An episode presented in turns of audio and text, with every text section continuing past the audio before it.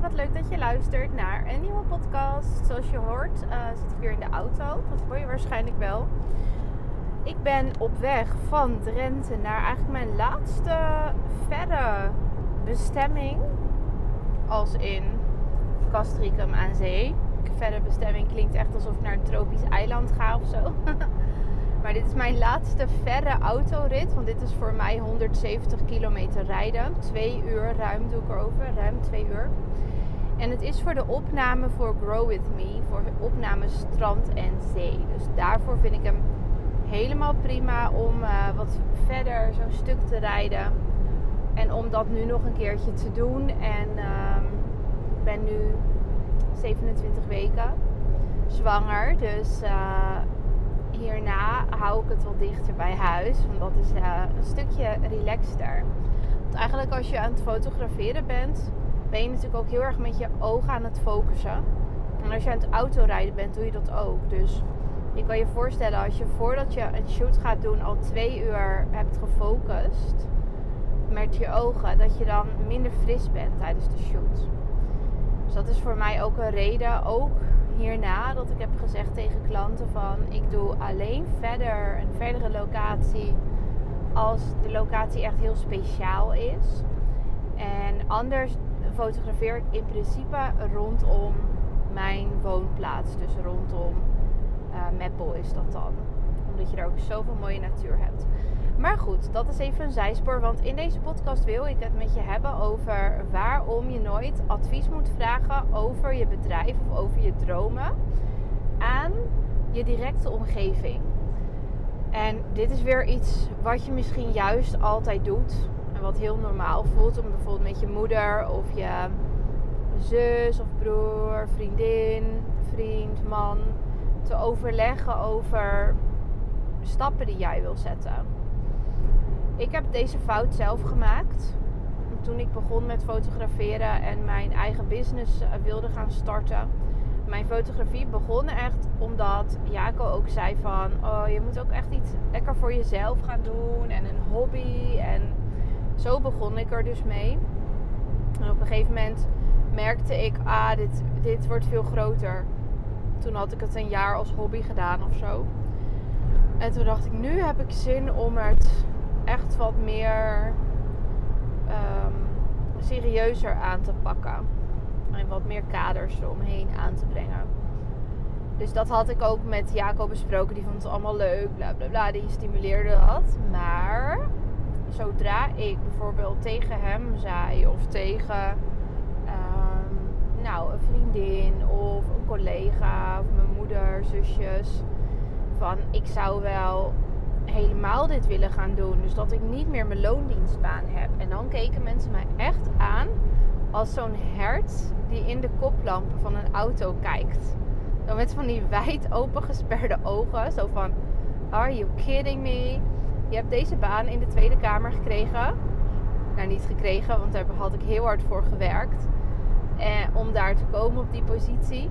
En je hebt die baan. En je gaat toch niet al je zekerheid en je supergoede salaris en deze plek opgeven voor ondernemerschap en een ZZP'er worden. Je bent toch niet helemaal gek geworden. Zij vonden dat echt. Nou, ze vonden dat echt geen goed idee. En sowieso in mijn familie, uh, mijn vader, die was ook ondernemer, maar dat ging allemaal niet zo goed. Um, en nou, uiteindelijk is dat best wel dramatisch toen ik klein was en zijn bedrijf ging failliet. En nou ja, dat heeft er best wel in het gezin natuurlijk ingehakt. Dus het verhaal dat dan over ondernemerschap verteld wordt is: ondernemen is gewoon levensgevaarlijk. En um, je ziet, uh, ik weet nog dat mijn moeder het ook altijd had over zo'n um, zo'n beeld van Patricia Pai. Nee, niet Patricia Pai. Hoe heet ze nou? Uh, die zangeres van Love, volgens mij, van vroeger. Zo'n zo'n Nederlands vrouwenbandje. Hoe heet zij nou? Zij is echt zo'n bekende BN'er, zo'n TV-personality.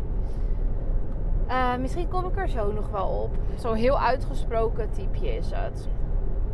En zij um, had dus een dochter met uh, met haar man. En, zij, en die man, geloof ik, ging failliet. Of zij of zo. Of hij had al haar geld opgemaakt. Zoiets was het verhaal. Dat is in de jaren, begin jaren 90 of zo was dit.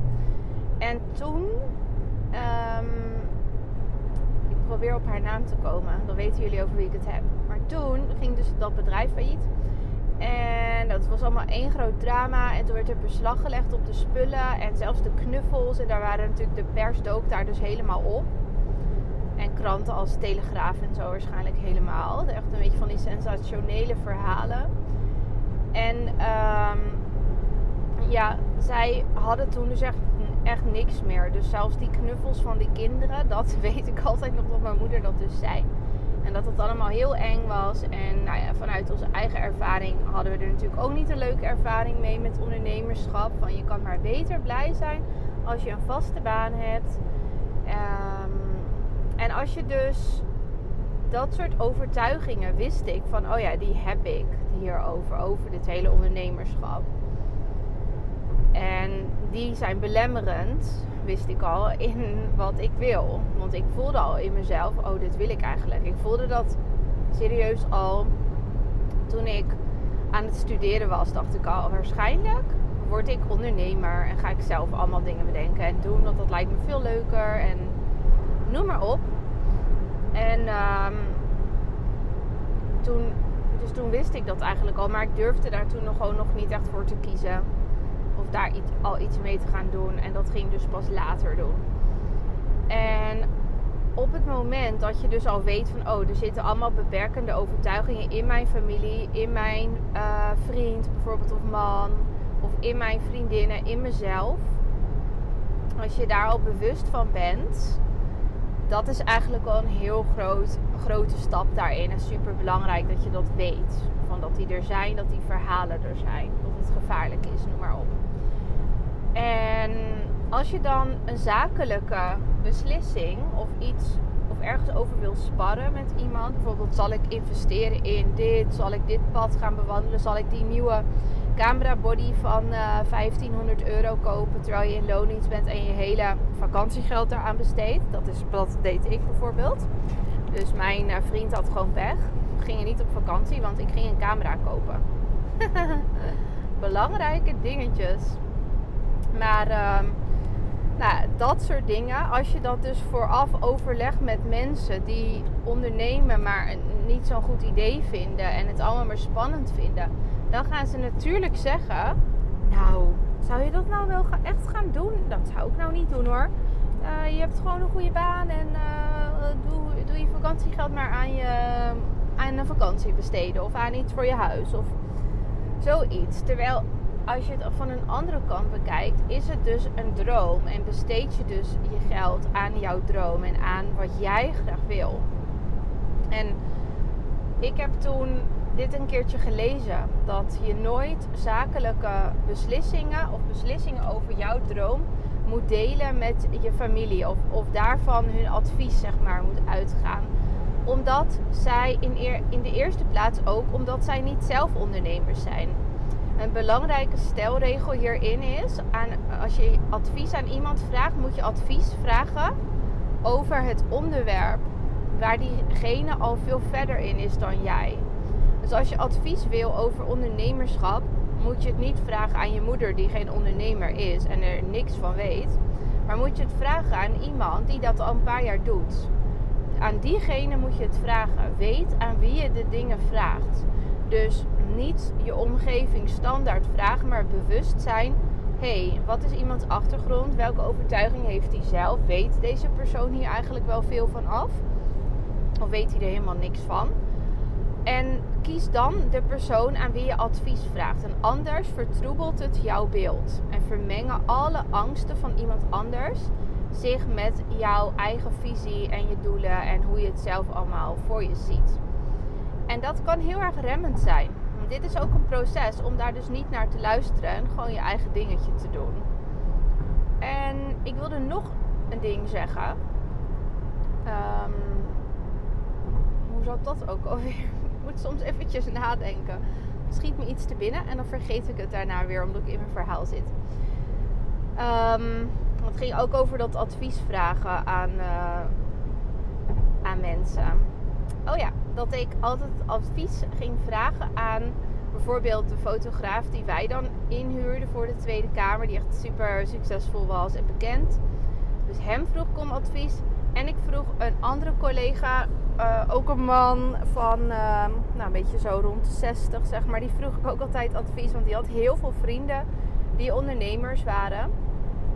En hij had sowieso wel echt zo'n omgeving om zich heen met mensen die lekker uh, geld verdienden, zeg maar. Die goed bezig waren met ondernemen. Het waren allerlei types, die, uh, die vrienden van hem, maar veelal ondernemers. Dus ik vroeg hem ook heel vaak om advies, wat ik dan het beste kon doen. Of als ik ergens over twijfelde, dan uh, ging ik het altijd met hem eigenlijk bespreken. Dat vond ik dus echt super. En daar heb ik gewoon echt super veel aan gehad door dat met deze mensen te bespreken. En Jaco, mijn vriend, heb ik er dus echt helemaal in meegenomen in het hele proces. En ik heb dat ook tegen hem toen wel gezegd van sommige dingen die moet je ook voor je houden, omdat die mij heel erg remmen. Dus sommige angsten uh, die jij voelt als ik iets vertel wat ik wil gaan doen, die zijn echt van jou en die helpen mij niet in mijn proces. En dat, is, dat heb ik iets van anderhalf jaar geleden of zo tegen hem gezegd. En sindsdien hebben we daar dus ook echt geen last meer van. En ziet hij ook dat het dus echt veel, um, veel meer zijn vruchten afwerpt als ik verbind met het stukje uh, droom en het stukje wat er juist heel erg leuk aan is en, en hoe ik het voor me zie. Dus echt met de visie. In plaats van, oh nee, maar wat als het uh, misgaat of als het niet goed gaat. Dus hij is eigenlijk ook daarin nu helemaal meegegroeid. En dat is ook super chill. Dus je kan je partner er ook in betrekken. Of bijvoorbeeld een vriendin. Uh, als die erin geïnteresseerd is. Maar het is dan wel dus ook slim om te zeggen van... Um, van hou je sommige dingen voor je. Ik wil alleen maar aangemoedigd worden in principe. En dat is wat voor mij gewoon het allerbeste werkt. Dus dit denk ik dat dit een hele belangrijke is in je beslissingen. Vooral als je net begint en niemand heeft nog een bewijs dat jij dit kan. Mensen denken echt van, ja, weet ik veel waar jij het allemaal over hebt. Het zal allemaal wel. Maar uh, zij kennen jou alleen maar in die bepaalde rol die je hebt. En niet in de rol die je wil of de persoon die je wil zijn. En met um, met sommige mensen, dat heb ik bijvoorbeeld ook in vriendschappen gehad. Je groeit zoveel als ondernemer en, en je leert zoveel en je wordt zo anders en je gaat echt in een stroomversnelling. Als je in loondienst bent, maak je misschien de ontwikkeling die ik nu in een paar jaar heb meegemaakt mee in je hele carrière, denk ik serieus. Ik weet zeker dat ik nooit zo was gegroeid, persoonlijk ook, als ik niet uh, uit loondienst was gegaan. Als ik niet was gaan ondernemen. Dit brengt zo ontzettend veel. Dus je gaat ook zien, tenminste dat heb ik heel erg gehad, dat sommige mensen die matchen dan niet meer met wie jij bent, waar je mee bezig bent. Die denken ook van nou, ik kan dit niet meer, niet meer bevatten wat jij aan het doen bent. Ik kan hier niet meer mee levelen. En dat kan soms ook best wel een pijnlijk proces zijn. Dus dit pad van ondernemerschap opgaan brengt, echt superveel. Maar het is zo anders dan een loondienstleven. Zo'n andere levensstijl, zo'n andere denkwijze en visie. Tenminste, hoe ik mijn onderneming doe. Want heel veel doen hun onderneming natuurlijk ook alsof ze in loondienst zijn, zeg maar. Die richten het precies zo in. Nou, daar ben ik helemaal niet van, omdat ik juist die vrijheid super belangrijk vind. En dat ook echt het grote voordeel van het ondernemen vind. Um, maar het staat, hoe ik het doe, zo erg haaks op wat de norm is in de maatschappij, in het werkende leven. Dat met sommige vriendinnen heb ik echt gewoon, ja, is de hele connectie ook verdwenen. Dat is ook best wel uh, pijnlijk, kan het soms zijn. Dus dit zijn ook dingen die komen er ook bij kijken. In ieder geval het belangrijkste wat ik je wilde meegeven is als je een belangrijke zakelijke beslissing hebt. Het kan zijn dat je überhaupt nog niet bent gestart met fotograferen of dat je het net aan het doen bent of in iets wil investeren.